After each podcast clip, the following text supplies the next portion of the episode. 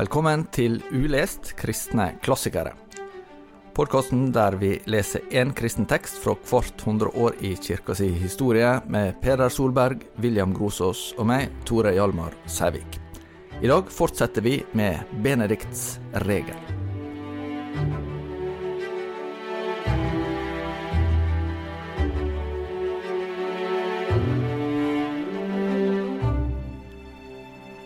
I tid er det somme som har vist til Benedikts regel som en slags strategi i møte med sekularisering eller avkristning. Særlig kjent er jo eh, Rod Dreyer, som er en amerikaner, og eh, ga ut boka The Benedict Option for eh, sju år siden, tror jeg det er nå snart. Sju-åtte år siden, kanskje.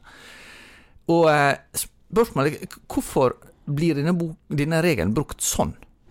Nei, altså Et stort spørsmål for teologien er jo forholdet mellom mellom storsamfunnet og staten og, og kirken og det kristne fellesskapet. Hvor mye skal vi liksom skitne til hendene våre? Um, det er jo også kristne miljøer, uh, egentlig både på venstresiden og høyresiden i USA, som er skeptiske til å stemme ved valget, f.eks. For, for man tenker at vi er gudsrike folket, og staten vår den har atomvåpen, og den driver med så mye lugubert at det å på en måte være en del av det og det liksom, å, å reflektere over den avstanden er jo en, en, utfordring for alle. Alle samfunn hele tiden. Men hva er det Benedikt kan bidra med her? Benedikt gir oss ikke et svar på hvordan kristne skal forholde seg til staten. Men Ja, For det fantes ikke noen stat i den betydning som vi eh, tenker om det nå. I hvert fall. Etter hvert så ble jo eh, klostrene på en måte en slags motbevegelse, eller en slags motkraft mot de lokale styresmaktene noen steder. Så på én side så, så, er det jo noe i det, men, men det vi det er ikke noe, tvil om med Benedikt, det er at det er et, et sånt det, det innadvendte fokuset, der man sier vi skal først og fremst elske Gud, be til Gud, vi skal kopiere disse skriftene, vi skal elske Gud, vi skal foredle den kristne veiledningstradisjonen fra ørkenfedrene.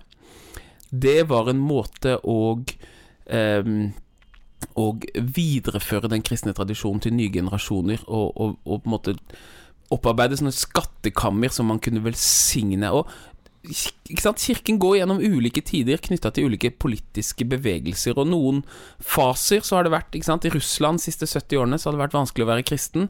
Eh, I hvilken grad kan man i løpet av de årene ta vare på noe som man kan gi når nye politiske situasjoner kommer? Og Benedikts regler og, liksom den benediktinske bevegelsen har vist seg som sånne skjulte skattekamre som, som, som velsigner kirken eh, gjennom vanskelige politiske eller sosiale eh, perioder. Jeg tenker at Hvis vi går tilbake til uh, Antonius, eh, hva er det som er uh, Strategien hans, det er å kjempe mot de indre demonene. Altså den åndelige kampen foregår ikke mot samfunnet der ute, men den foregår mot det som eh, Hva skal jeg si eh, Ødelegger min relasjon til Gud der inne. Eh, og jeg tror at det er noe med det Med en gang man gjør sånne åndelige bevegelser til slags sånn, altså plasserer det inn i en politisk strategi, så har man allerede gjort noe annet enn det disse gutta, ja, Antonius ja, og, og, og, og gjør. Fordi man skal ikke se bort fra, som, som William er inne på, at det er et Altså, du får politiske frukter, men i det øyeblikket du, tenker, du eksternaliserer den åndelige kampen, så har du egentlig misforstått hva dette prosjektet er for noen ting. Det er litt som å si ja, Bach lagde finst musikk fordi han lagde den helt og fullt for Gud. Derfor så må vi også begynne å lage musikken helt og fullt for Gud fordi vi vil lage den finste musikken. Så er det sånn øh, Nei. Og som en strategi Som en strategi for å lage bra kultur. Det er sånn ja. Nei, det er motsatt. Ja. Du kan ikke ha noe annet enn bønn selv som mål for å nå det den benediktinske tradisjonen klarte å, å, gi. Du kan ikke Du kan ikke bli en helgen. Det er det samme som ja, jeg har lyst til å bli som Antonius, for jeg har lyst til å bli kjendis. Det er sånn Ah, det er helt sikkert at ikke du blir Antonius. Ja. jeg vil bli en dyp åndelig veileder, for jeg vil ha så mye respekt. Ja, Da skal jeg love deg, da blir du ikke en dyp åndelig veileder, for det er nettopp ved å gi avkall på det du blir det. Og det er det som kan være litt sånn Man kan bli sånn æ, til Dres prosjekt. Det er litt sånn derre um, Det som motiverer her, er ikke en sånn, sånn, vurdering av hva trenger vi nå og sånne ting. Det er jeg lengter etter Gud. Jeg vil elske Gud. Jeg vil ikke gå på kompromiss. Jeg vil at bønnen skal være hoveddelen i livet mitt, og jeg ønsker å organisere og strukturere de fellesskapene jeg er en del av, på en måte som gjør at bønn blir målet i livet mitt. Og alt annet er sekundært. Og ut ifra det så strømmer det velsignelse til de fattige, til samfunnet, til eh, eh, fellesskapene som er knytta til det. Det er den kristne erfaringen, og det er derfor Jesus ikke sant, Bergprekten har ikke nytteetikk. Ja, det er lurt. Det er lurt at hvis noen slår deg på høyre kinn, så vender andre til, fordi da vil Det er underordnet. Det underordnede er etterlign Gud. Vær fullkommen slik som Gud er fullkommen. Og den Sånn er det med alltid det åndelige livet.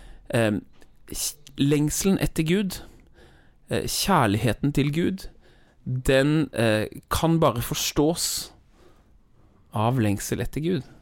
Men det er også en eh, filosof som heter Alistair McIntyre, som Ja, har etterlyst en er, Jeg skal ikke late som jeg har lest den, men han har gitt ut en bok som heter After Virtue. Ja, en god bok. Eh, Veldig god bok. ja. Les den boken. Ja, eh, og den eh, tit, I tittelen så, så ligger jo tanken om at det er noen dyder, noe ideal, som, som forsvinner. Mm. Og så trengs det en slags mot eh, ja, en reformasjon eller en slags erstatning her. Og så etterlyser da McIntyre, og, og det er jo det som er utgangspunktet for Odd Dreyers bok, det trengs en ny type Benedikt. Eh, og kanskje en veldig annerledes Benedikt, men, men altså, trengs, Ja, trengs virtue, en Benedikt. After Virtue handler jo om liksom, Han sier at dydsetikken den er et, en, en måte å forstå mennesket på som eh, på en måte er gått tapt gjennom 1800-tallet, gjennom av på en måte man kan si Gjennom at du Hele det dydsetiske språket, der dyden er sin egen belønning, det å leve eh, i Du er ikke modig fordi du får gode konsekvenser, men du er modig fordi det å være modig er godt. Og du skal ikke, ikke være lat fordi det får dårlige konsekvenser, men fordi lat er i seg selv en straff. Ikke sant? Hele den dydsetiske liksom, språk og rammeverket, det kollapser på en eller annen eh, tidspunkt, sier, eh, sier McIntyre, og viser det på en veldig overbevisende måte. Eh, og i slutten av denne Det er jo, det er jo litt av en bok. Altså Han går gjennom hele en, liksom en filosofihistorie, filosofi, filosofihistorie, og viser hvordan f.eks. Kant legger vekt på at man skal drive og gjøre ting bare fordi det er rett. Moralisme. Man skal være moralsk rett. Og hvis man leser Benedikts regel gjennom Kants briller, så blir det bare moralisme på moralisme på moralisme. Hvorfor skal man være ydmyk? Fordi eh, eh, lå, eh, eh, moralloven forteller oss det. Det er helt absurd for eh, Benedikt. Hvorfor skal du være ydmyk? Fordi det er det gode livet. Fordi du kommer til å bli lykkelig. Fordi du får det godt. Fordi Gud har skapt deg til å bli som Kristus. Og eh, det som eh, McIntyre, når han skrev den boka her, så han kom jo fra en ateistisk, marxistisk bakgrunn. Og så Rett etter at han hadde skrevet den boken, så ble han jo en kristen. Eh, men han skrev den, de beste bøkene er ofte skrevet i en sånn overgangsfaser. Og, og After Virtue er en sånn bok hvor han liksom Han er på vei til å innse at det den visjonen av hva et godt liv er, den dysetiske visjonen som kom fra Aristoteles, den på en måte trenger Gud. Og han blir jo en kristen, da, i forlengelse av det. Men avslutningskapitlet, der liksom tar han det herre hvordan skal vi gjenoppdage denne visjonen av hva som er det gode liv? At det ikke handler om å følge regler, men det handler om et, et liv i fellesskap der vi, der vi får eh, Vi utvikler dyder som kan gjøre oss i stand til å fungere i relasjon til andre og bli lykkelige. Og så sier han i, i, eh, I innledningen til middelalderen så ble Benedikt en sånn person, en leder, som, som, som, eh, som satt opp måter vi kunne leve sammen på. Og, og det trenger vår tid, sier McIntyre. Vi trenger en ny Benedikt som, som eh, Ikke av eh, konsekvensetiske grunner, ikke for liksom det er moralsk rett, sier han. Nå må vi passe på å, å, å å sortere plasten. Nei, men for det å leve i et godt i leve i samklang med naturen, det er det gode for mennesket. Og derfor Miljøproblemet, eksempel, det er jo et, det er jo ikke bare et konsekvensetisk problem, det er dypest sett et dydsetisk problem, for vi skjønner ikke det at det å forbruke samfunnet, nei, forbruke naturen, det gjør oss til noe mindre enn det vi er skapt til å være, f.eks. Jeg tror en nøkkel her er, er dette, hva vi trenger, og ikke ikke det, altså hva vi trenger for å kjempe mot det vi ikke vil ha. Eller altså, det, altså kjempe mot de andre der ute som Altså det er dette å eh, ta på alvor Hva er det vi trenger for å etablere det gode samfunn, det gode liv? Og så går vi for det. Eh, mer enn eh, dette å, eh, forsøke å eh, er det noe jeg er litt sånn eh, hva skal jeg si, skeptisk til. Altså er det liksom dette snakk om den kristne kulturarven, f.eks., som vi skal bruke som bolverk mot et eller annet som, som vi ikke liker der ute. Men altså, som en god venn av meg sa, altså, altså, når du snakker om arv, da betyr det noe som, som, som, er dødt. Noe som på en måte du får fra dine Altså, du får det fra de som er døde. Altså, arven er noe som, som vi, vi, må motta og virkeliggjøre og levendegjøre i våre liv. Det er ikke sånn at den kristne kulturarven er noe der ute som er en pakke som vi skal forsvare. Den kristne kulturarven er noe som vi skal leve, og så må vi for, forsøke å finne Ja, hva er det i denne arven, da? Som hjelper oss til å bygge gode liv, bygge gode samfunn, som vi kan uh, forsøke å realisere i våre liv. Det, eh, det blir jo gjerne også påpekt at, eh, at eh, i Paulus sitt perspektiv, så ligger jo den kristne arven i framtida. Mm. Det er en arv som ligger ferdig. Nettopp. Absolutt. Og derfor så blir perspektivet som kan rettferdiggjøre alt dette, må alltid ha evighetsperspektivet. Mm. Det kan aldri bare ha politiske perspektiver eller nytteperspektiver. Jeg, jeg, jeg syns det var interessant å høre på det du sier, Peder. Jeg hørte noen som sammenligna det med liksom Moderniteten den har tatt kristendommens roseblomst og kuttet den av, og så står den igjen med en vakker rose men røttene er kuttet av. Og så lukter den, og så Denne blomsten lukter godt, og så setter man den i en vase og sier man vi må ta vare på denne blomsten. Men røttene er kuttet av hvis ikke vi er i kontakt med de kildene som har skapt denne vakre eh, blomsten, denne rosen som er eh, og, eh, og, derfor så, så er det um, Benedikts regel er ikke et politisk program. Det er et kall til mennesker som ønsker å leve et Eh, radikalt liv i etterfølgelse for Jesus. Og, og, og, eh, det som det krever av deg, det er at du, du, ser lenger enn bare dette livet. At du ser lenger enn bare um, de, de liksom konsekvensene som du kan liksom overskue, men at du, du ser Gud, og du ser at Sånn som Maria, som heller eh, salve i Jesu hode, så kommer nyttens forbannelse kommer For det er, jo et spørsmål man kan stille klossbevegelsen. Altså, hvorfor driver dere og, og og, og graver så mye jorda når verden brenner. Burde ikke dere liksom ha, ha vært ute mer blant folk? Eh, men den nytteforbannelsetankegangen, den er tilsynelatende veldig from og riktig, men det er som, det er som Judas, ikke sant, som kritiserer Maria når kaster, heller oljen i salven på Jesu hode. Denne salven kunne vært solgt og gitt til de fattige. Og klosterbevegelsen er en sånn eh, liksom, Man må bare gi fingeren til hele liksom, den Judas-logikken, og så sier man vi driter i dette, vi vil bare elske Gud, og vi har tillit til at når vi søker å elske Gud, så vil det beste, det gode, skje. Og Derfor så er det kristne må gjøre, det er ikke å lage en strategi for hvordan man skal vinne tilbake en kristen kulturarv, men det er å helt og fullt gå inn i seg selv og spørre seg hvordan kan jeg bli en helgen? Hvordan kan jeg elske Gud? Hvordan kan jeg organisere mine fellesskap på en måte, min familie, på en måte som hjelper meg å kjempe mot min egen hovmod, min egen eh, likegyldighet. For det kristne trenger, er ikke kristne Nei, det verden trenger, er ikke kristne influensere, men helgener. Altså mennesker som helt og frutt har overgitt seg til Gud, og det er det Benedikt liksom vil prøve å forme oss til og hjelpe oss til. Et av de redskapene som ehm, Nei, vent litt. Nå, nå gikk jeg for fort fram, Peder, for, for du hadde ei liste over eh, Nå gleder vi oss til lista ja, di, Peder. Over eh, hva klostra, klosterbevegelsen bidro med liste. i ja, middelalderen. Ja, altså, jeg er jo glad i uh, de ti punkter, uh, både på den ene og den andre måten. Uh, skal vi se her. En liste over hva klosterbevegelsen har betydd i historien, er det det? Det er det det er. Og jeg underviser eh, litt eh, i, um, av og til i, eh, på en, en, videregående skole. Og det er sånn hva, hva, kan man ha som knagger? ikke sant? Og ja. da har vi sånn ti bidrag fra klosterbevegelsen ja. til For vi kaller jo faktisk Benedikt for Europas far. Og det er jo noe av dette paradokset her, sant? at Benedikt er ikke opptatt av å være denne luktende blomsten, men han er opptatt av å bygge dette fellesskapet som på en måte blir røttene, sant? og som hva er det som vokser ut av dette? Jo, det er punkt én barnehjem. Barnehjem. Det er altså allerede Basilius, altså en av de første som bygger noen av disse institusjonene som, som videreformidles i klosterbevegelsen. Altså der de skal være gjestfrie, sant? de skal ta seg av de fattige. Så barnehjem vokser fram. Eh, hva må man gjøre med disse barna? Man må lære de opp, så man bygger skoler. Så skolene er knytta til klostrene fra, fra, veldig tidlig av. Hvordan fikk barn utdanning i Europa? Jo, i klostrene. Eh, hvordan klarer man å samle lærdom? Jo, vi må bygge bibliotek. Som Altså bøker med visdom som er tilgjengelig for alle. Ikke bare for de rike som kan kjøpe de, men faktisk du kan komme og uh, få lærdom gratis. Og bibliotekene som, som uh, Er vi på punkt tre nå? Fire? Nei, vi er på punkt tre. punkt fire. Uh, punkt fire er universitetene, for det vokser også frem av dette. Universitetene og, og all den vitenskapen som vokser frem av det. punkt fem sykehus. Igjen allerede fra Basilius.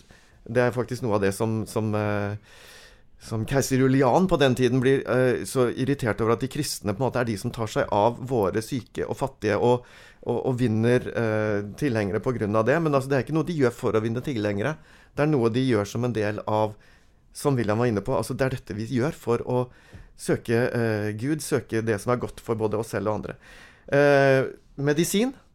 Hvilket punkt, punkt er du på nå? Punkt seks, medisin. Punkt seks, medisin. og etter hvert også uh, sykehus som, som vokser ut av det. sant? Eh, punkt sju er jo mm, ikke så populært i alle kristne kretser, kanskje, men ølbrygging og vinlaging. Eh, og dette er jo altså ølet som må ha det til nattverden, vet du.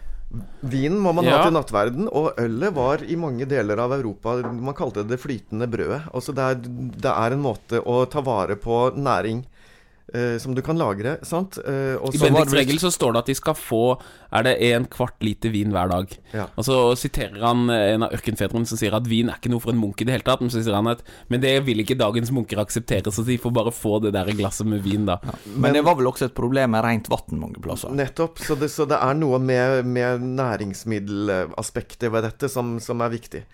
Uh, punkt åtte jordbruk Eh, generelt. Altså veldig mye av den jordbrukskunnskapen som vokste fram i, uh, i Europa, den kommer jo fra hvordan klostrene kultiverte sitt jordbruk.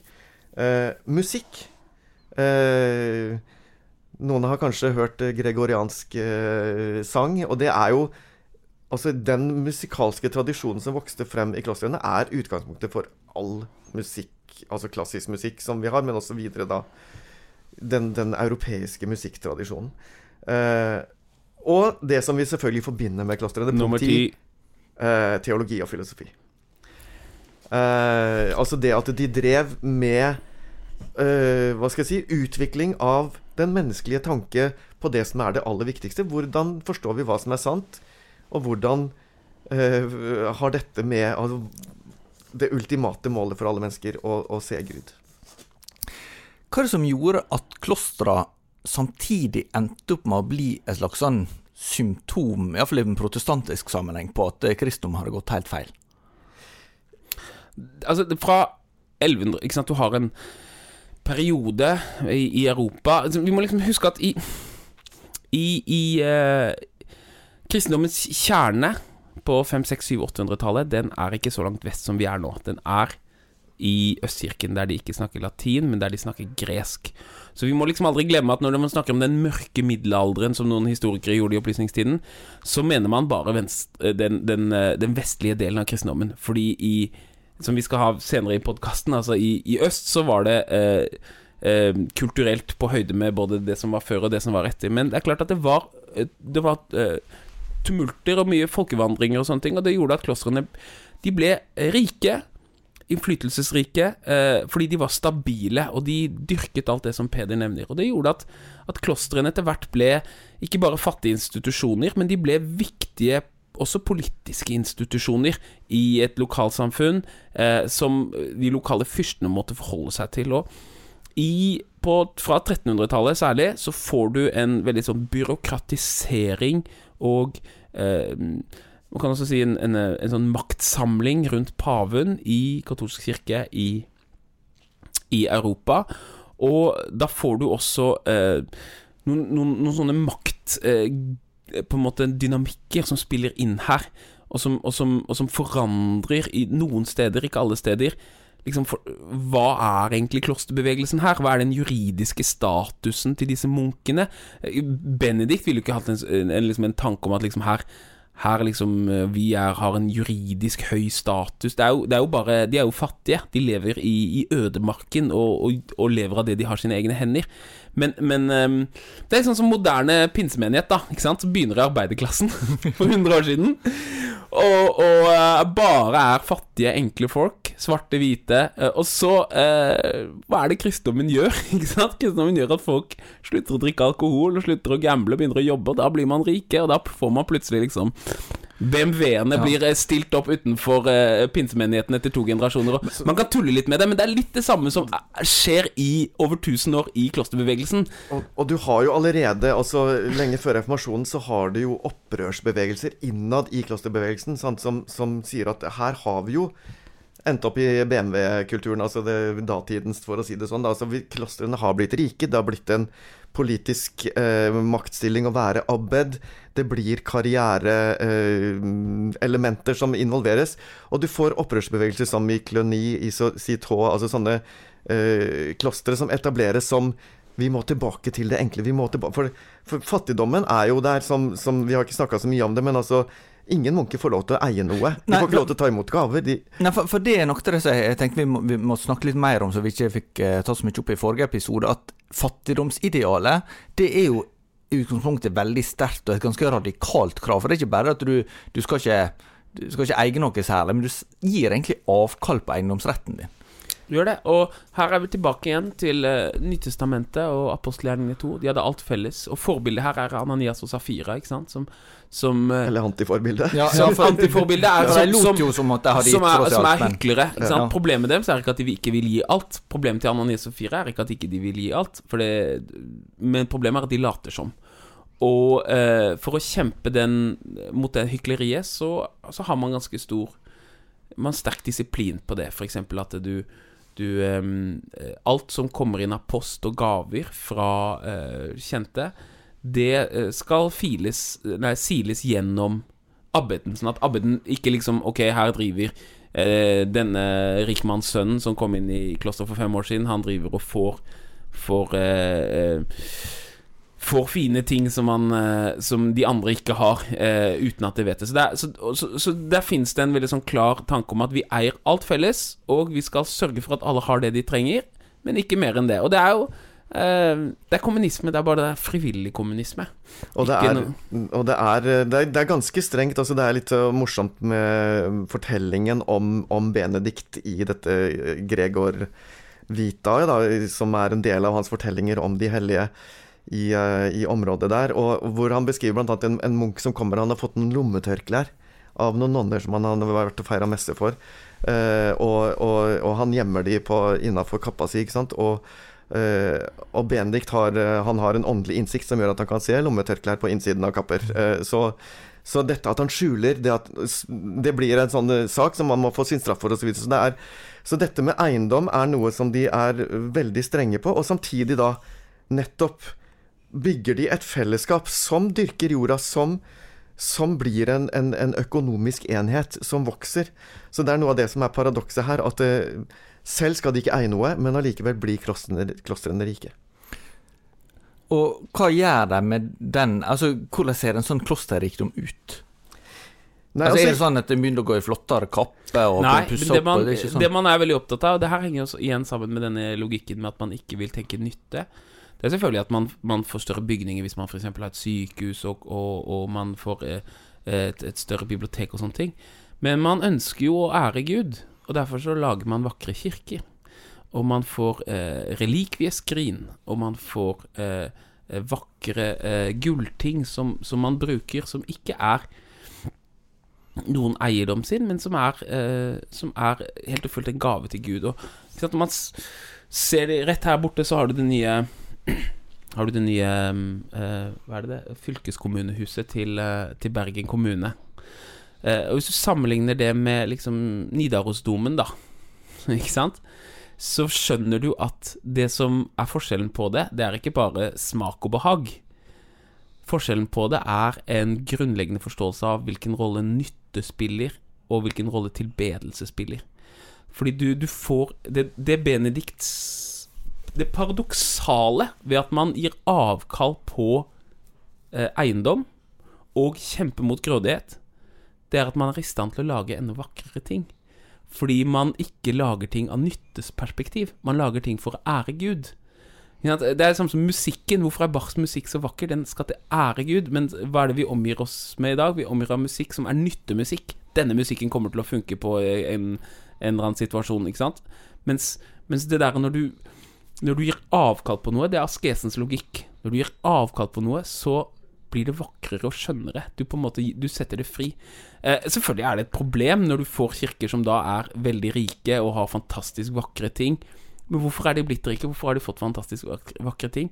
Jo, fordi det er ikke noe sånn Det er ikke noe grådighet. Det er eh, å si eh, Arven må deles i to. Det er ikke noe babyer der som må deles i to, at du får den ene du får den ene delen av relikvieskrinet, og jeg får det andre, fordi vi skal dele likt. Det er til Gud. Det er til fellesskapet. Det er til, eh, til uh, så, så, Men ikke sant? det her selvfølgelig tar det av, og selvfølgelig er det et kjempeproblem. Og, men ben, det er mye vann som lender i, i, i seinen eh, mellom eh, Benedikt på 500-tallet og Luther i, i, på 1400- og 1500-tallet. Ja, for han begynte jo som Munch sjøl, som er si. Og, og Luthers selvbeskrivelse av sin tid i Munch har jo blitt definerende for en hel kulturs forståelse av klosterlivet. Men da vil jeg stille spørsmålet, selv om jeg er luthersteolog eh, Må vi ikke også se Luthers erfaring som en, en, en individuell erfaring? Altså, er som, Hvorfor er det ingen så få andre munker, i hvert fall i århundret før han, som, som tenker at hvorfor gikk jeg i kloster for å rettferdiggjøre meg for Gud? Hvorfor finner du ikke det på 8, 9, 10, 1000, 11, 1200? Det er fordi det har skjedd noe ideologisk, idéhistorisk, på 1300-1400-tallet, og i den teologiske skolen som Luther har kommet inn i, under Gabriel Biel, så har man en sånn tanke om eh, Guds liksom eh, blinde vilje, og man har, man har, noen sånne ideologiske liksom eh, Man har noe, noe man står på, som gjør at Luthers forståelse av dette, som han vokser opp i, blir noe som er helt forferdelig, og som er monstrøst, og som ingen vil. Og det er at du går i kloster fordi du tror at Gud ikke elsker deg av noen annen grunn. Men det er jo ikke det som det er ikke det som vibrerer i, i, den, i klosterlitteraturen eh, fra den tidlige tiden. Det er noe helt annet. Det er, en, det er en, den forelskede. Den forelskede som sier 'Jeg er villig til å flytte til andre delen av verden og lære meg et nytt språk og gi avkall på alt fordi jeg, jeg vil leve for deg'. Og det er det som er klosterbevegelsens liksom eh, inngang, som er som er tapt da hos Luther, og da er det bra at du ikke er i kloster, hvis du tror. Og, da, og samtidig så er det jo altså Luther skriver jo for slutten av sitt liv veldig eh, Hva skal jeg si eh, takknemlig om eh, hans skriftefar Staupitz. Som var altså hans skriftefar i klosteret, som en gang sier at det, alt jeg egentlig har forkynt om evangeliet, har jeg lært av han. Var det han som sa til Luther at det er ikke Gud som er sint på deg, det er du som er sint på Gud? Det Sitatet høres rimelig ut, i hvert fall, for han var veldig opptatt av å, å, å avlære Luther sin, sin så, så, det er noe med, med, det kulturelle store bildet som Luther er en del av, som William var inne på, og samtidig at du allikevel også da, selv hos Luther, finner en takknemlighet for hva, han, hva slags teologi han faktisk møtte i klosteret. Selv om han så å si måtte ut derfra uh, for å uh, sin egen personlige vei for å ta et oppgjør med den motivasjonen han hadde. Som han, eh, som, som han uh, måtte hva skal jeg si, ta et oppgjør med. Så, så, så, det er mange ting her vi kunne snakke om det rent kirkehistoriske, men, men saken er i hvert fall at altså, alle vil også kunne uh, i dag si, uh, anerkjenne at det er alltid en utfordring med vekkelsesbevegelser og hellighetsbevegelser i kirkens historie. At mm. de kan eh, endre seg. De får inn en eller annen skrue i, i systemet som eh, ofte handler om eh, eh at eh, det er de grunnleggende menneskelige eh, hva skal jeg si, tilbøyelighetene som, som, sniker seg inn bakdøra. Og Det her kjenner vi fra moderne pietisme, f.eks. Ja. Det er frigjørende å slutte å spille kort i 1881. Det er veldig eh, undertrykkende å ikke få lov å spille kort i 1975. Ikke sant? Det er to helt forskjellige situasjoner, fordi eh, motivasjonen for å ha en regel, motivasjonen for å ha noe, har helt blitt forandret. Og, eh, og eh, sånn utvikler ting seg. Og vi snakka litt om eh, Vi snakka en god del om arbeid, vi snakka en del om bønn og om rytmer som en fulgte i klosteret, men vi har ikke snakka så mye om hvordan de las Bibelen der. Eh, og det syns jeg vi må, vi må si litt om, Peder. Lectio divina. Ja, altså det er jo en, en uh, utvikling av en tradisjon med hvordan leser vi Bibelen på ulike nivåer, kan du si. Eh, så man har jo både en sånn forståelse av at Bibelen er uh, Altså den, den, har tekster som inneholder alt, egentlig, men på ulike nivåer som hjelper oss på ulike områder i livet. Og Bibelen er jo en del av selve rytmen i Altså, man skal be med Bibelen, man skal lese Bibelen. Så tekstene skal leve der som en uh, Altså rett og slett som gir oss et språk å tenke igjennom. Uh, og så er det da altså Lectio Divina har en sånn Det er en slags rytme i bibellesningen. Det står i innledningen til Salmenes bok så står det 'Salig er den som drøvtygger på ditt ord', står det egentlig. Det, det, er noe av dette som, som munkene forsøker, forsøker, å utvikle. Hvordan, hvordan, leser jeg Bibelen gjennom altså Hvordan er det kua drøvtygger? Det er fire forskjellige mager, er det ikke det? Eh, så det er en slags sånn eh, analogi til Ok, det går først i den magen, og så i den magen, og det, og så, og det er Altså, man har eh, selve lesningen, og så har man eh, oratio, altså det å be over, eh, over tekstene. Eh, meditatio, contemplatio. Altså, man mediterer, man søker alltid en vei til selve gudsnærværet gjennom tekstene. Men det går du, du, Ofte så har du på en måte uh, ulike steg, da. Som du går igjennom uh, før du uh, ender opp der. Hvor du nettopp tar opp med Gud hvordan er det disse tekstene taler til meg i mitt liv? Hvordan er det, hva, hva er min respons på det? Eh, og så er du på en måte i dialog med tekstene for å finne eh, frem til så å si der du bare hviler i gudsnærværet. Og igjen, dette nytte, eh, nyttemåten å tenke på er noe som på en måte Man prøver å, å, å, å på en måte ta avstand fra det. Det er satt opp tid for, for åndelig lesning. Og noe av den tiden ble brukt til lektio continua. At man leser kanskje Bibelen for å få oversikt, eller man leser en åndelig tekst. Men lektio divina det er ikke å lese for å ha lest. Og nå har jeg lest den boka, så flink jeg er. Det er å lese for å lese. Fordi man i ordet finner et gudsnærvær. Fordi man finner Kristus i ordet. Og um, det er fremmed for oss. Fordi vi er så formet av en sånn uh, nyttetenkning som er, ligger så dypt i oss i moderniteten. Ah, jeg skal meditere over denne teksten, for det er bra for min psykiske helse. Jo da, bra. Men tenk hvis du ikke hadde trengt å ha noe for de. Tenk hvis det bare var 'jeg vil kjenne Kristus og kraften hans oppstandelse', og formes til å bli lik ham. Der fins ikke noe for de annet enn at jeg elsker ham, og så skal jeg lese Bibelen av den grunnen. Ikke for å bli en bedre predikant, eller ikke for å bli en bedre teolog, men rett og slett fordi jeg vil ha fellesskap med Gud. Og um, det er det som du er så forfriskende med å lese Bendix regel, for den svikter ikke den ideen som er en slags Som er egentlig i klosterbevegelsens hjerte. Det er en,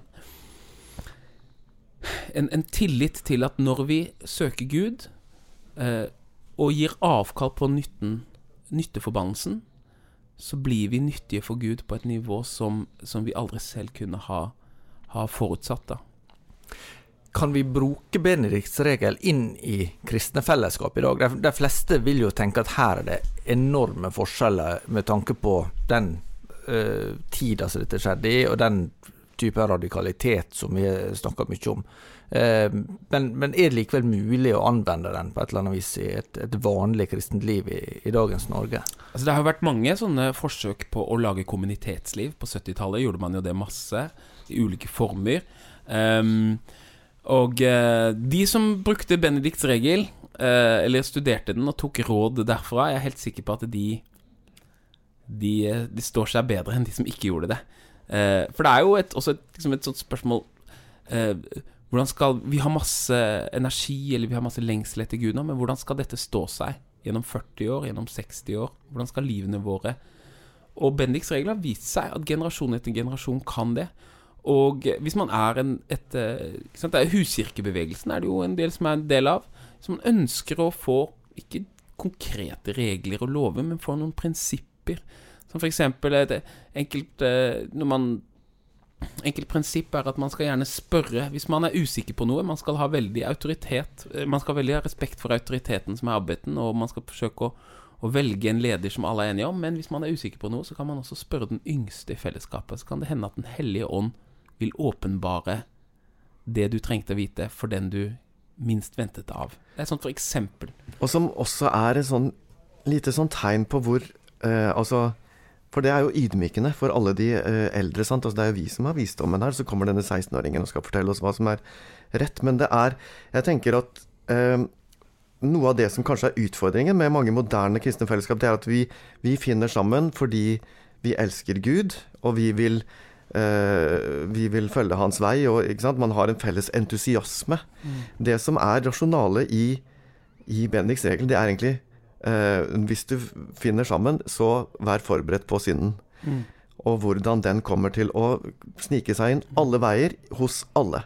Mm. Så, så, egentlig er hele rasjonale regel hvordan kjemper vi mot synden. Mm. Det er ikke hvordan vi på en måte skal elske Gud sammen, dere, og bare ha det hyggelig sammen. Og, nei, Brødrene kommer til å gjøre alt. det er ingen romantiske ja, illusjoner om liksom Vi er de kristne som ikke krangler, og vi har ikke noen problemer, og det er ingenting av det. det er, Magnus Malm skriver om det i en av sine bøker, den svenske forfatteren som også hadde erfaring med sånn kommunitetsliv på, på 70-tallet, at han etter hvert tok seg i å være irritert over de andre sin mangel på radikalitet. Mm. Ja. Og det er En ting som jeg slås av, og som er at vi, vi omgir oss hver dag av løfter om grenseoverskridende fellesskap som skal, som skal, på en måte begrense vår indre ensomhet. Vi er ensomme, veldig mange av oss. Og, men det vi lærer av klosterbevegelsen, det er at den ensomheten kan bli en ressurs. At vi kan finne en god alenehet. Der jeg ikke grådig trenger de andre for å på en måte døyve min ensomhet. Men det, for å lære det, så må det også være en avstand mellom oss, en grense mellom oss. Det må være liksom et, et indre rom i deg som jeg respekterer, som er bare ditt og Guds rom, og et indre rom i meg som ikke gjør at det blir symbiotisk. Og Derfor så har du sånne grenser som at man skal ikke snakke eh, etter halv ni på kvelden. Man skal, 'Å ja, men vi har disse lange, intime samtalene gjennom natten.' Nei, det er, det, kanskje det var hyggelig der og da, men den avstanden, den grensen, er veldig nøye. Og det, det tror jeg er noe som du har disse, alle disse seriene som går eh, Fra Friends var de første, men de går jo ikke sant, er, Det er den, den vennegjengen som liksom går inn og ut til hverandre. Det er ingen grense mellom disse, og alle er venner. og, og og jeg kan være en del av denne vennegjengen, men, men, alle vet at et, et, Sånn fungerer ikke verden. ikke sant? Eh, I, I, verden så hadde de begynt å krangle etter et år, og så, men du, du, trenger disse grensene. Og det at du har ditt usynlige liv med Kristus, som jeg skal respektere, og jeg har mitt usynlige liv med Kristus, som du skal respektere. Da blir ingen av oss følelse av å være ensomme, for jeg trenger ikke deg sosialt for å tilfredsstille mine sosiale behov. Det er det ofte et kommunitetsliv kan motiveres av. Endelig noen som skal eh, helbrede min ensomhet. Endelig noen jeg kan være sammen med hele tiden. Det samme ser vi med ekteskap. Vi, har, vi, er fullt av sånne kjærlighetssanger av folk som synger om en du som liksom fyller meg helt, og sånne ting. Og så er, sånn, så er vi ensomme litt selv om vi er gifte, fordi vi vet at den her grenseoverskridende relasjonen Enten blir det konflikt, eller så blir det kulde. Men det her er Nå skal vi hjelpe hverandre. Alle vi har et indre liv med Gud, og det skal vi felles beskytte.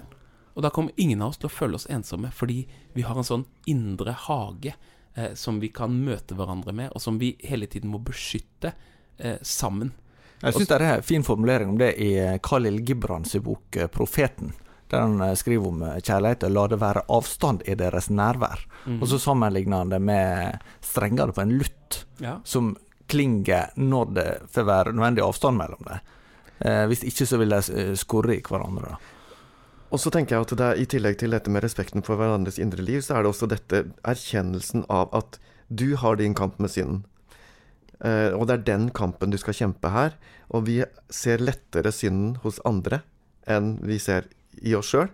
Og det skal vi bruke til å avsløre synden hos den andre, og til å ikke bli håndmodig. Altså det er så, så, igjen og igjen så er det denne dynamikken, dette rasjonale, som kommer frem i denne regelen at eh, vi ser ikke vår egen synd, eh, og først og fremst så må vi kjempe med vårt eget hovmod. Så det er, det, er, det er, det viktigste bruken av fellesskapet, egentlig. Det er å avsløre sinnet i meg sjøl, og avsløre eh, hovmodet. Um, når det gjelder den eh, lærdommen, da, så hvis vi skal tenke ut av Benedikts regel i, i, vår tid, kan, kan du liksom konkret, eh, William, si hvis en har en bibelgruppe, eller en har et, eh, et, eh, ja, et, et, mindre felles Det er jo vanskelig å tenke seg i, i en stor menighet at du liksom skal stille opp og lese, og sånn skal vi leve sammen. Men, men hvordan kan dette anvendes sånn helt praktisk? Det første praktisk? er at man innser hvor viktig det ytre og kroppen er i det åndelige livet. Det er det første. At man innser at hvordan jeg håndterer kroppen min, vil påvirke hvordan de åndelige fellesskapene våre er. For eksempel så finnes det et kapittel som er hvordan, hvordan man bør stå under bønnene. Så står det sånn at røsten bør være i samklang med ånden. Man bør stå Altså hvordan man Altså bare Det første du gjør når du kommer til et kloster, det er at du skal inn i kapellet. Skal inn i kirken og be. Og man skal ikke spise, ikke sove, ingenting annet enn å be i kapellet. Fordi man skal lære kroppen sin at kirken ber jeg. Og så i refektoriet, der spiser jeg. Og så er det et, sted, et, ord, et, et rom hvor jeg, hvor jeg sover. Og så er det et rom hvor jeg leser. Og alle disse tingene, de har hver sin plass. Og de alle tingene har sitt mål i seg selv. De skal ikke bare blande sammen til å bli en, liksom, en mashing up.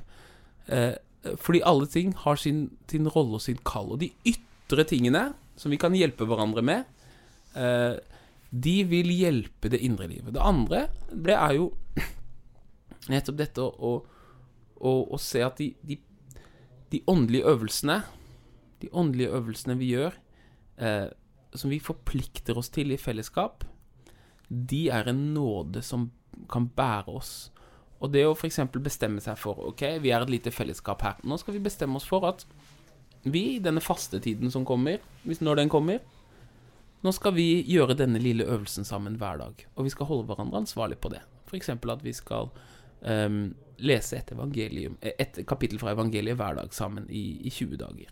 Er det lovisk? Hvis du tror at du blir frelst av det, så er det lovisk. Men hvis du gjør det fordi at du har lyst til å binde deg til nåden, du har lyst til å binde deg til det som gjør deg godt, så er det ikke det. Eh, og, det, og, liksom, og da er Benedikts visdom det er ikke overdriv. Ikke si at du skal lese hele evangeliet hver dag før du går opp til jobb. Finn noe som er lite. Finn noe som fellesskapet kan bli enige om. Og så stå i det, og hold ut. Og hold ut, og hold ut. Og hold hverandre ansvarlig på det, og ikke svikt det dere har blitt enige om. Og så vil dere kjenne at fellesskapet bærer dere og, og former dere og sliper dere mot hverandre. Til slutt så uh, ville du lese et lite avsnitt, William. Før, det? ja. ja. Uh, det er altså en venn av meg som er benediktinsk munk, som jeg, han kaller det i, i For liksom regelens hjerte. Eller regelens liksom Og det er det nest siste kapitlet. Da står det sånn Om den gode iver munkene bør ha. Likesom det finnes en bitter og ond iver som skiller en fra Gud og fører til helvete, finnes det også en god iver som skiller en fra lastene og fører til Gud og det evige liv. Dette er den iver som munkene skal dyrke med brennende kjærlighet. De skal overgå hverandre i gjensidig aktelse og holde ut hverandres kroppslige og moralske svakheter med den største tålmodighet. De skal kappes om å adlyde hverandre, Ingen skal søke det han anser som nyttig for seg selv, men heller det som er nyttig for andre. De skal vise hverandre en ren, broderlig kjærlighet. De skal frykte og elske Gud, og de skal elske sin abbed med oppriktig og ydmyk kjærlighet. De må overhodet ikke sette noe høyere enn Kristus, og måtte Han føre oss alle sammen til det evige liv. Jeg sa at det var slutten, men det var bare halvveis sant. For uh, helt til slutt i dag så skal vi faktisk uh, høre litt musikk. Det er Julia Viger Konstanse Nordås som synger fra Bibelen, fra Salme 51. Vær meg nådig Gud, slik det blir gjort i benediktinske kloster.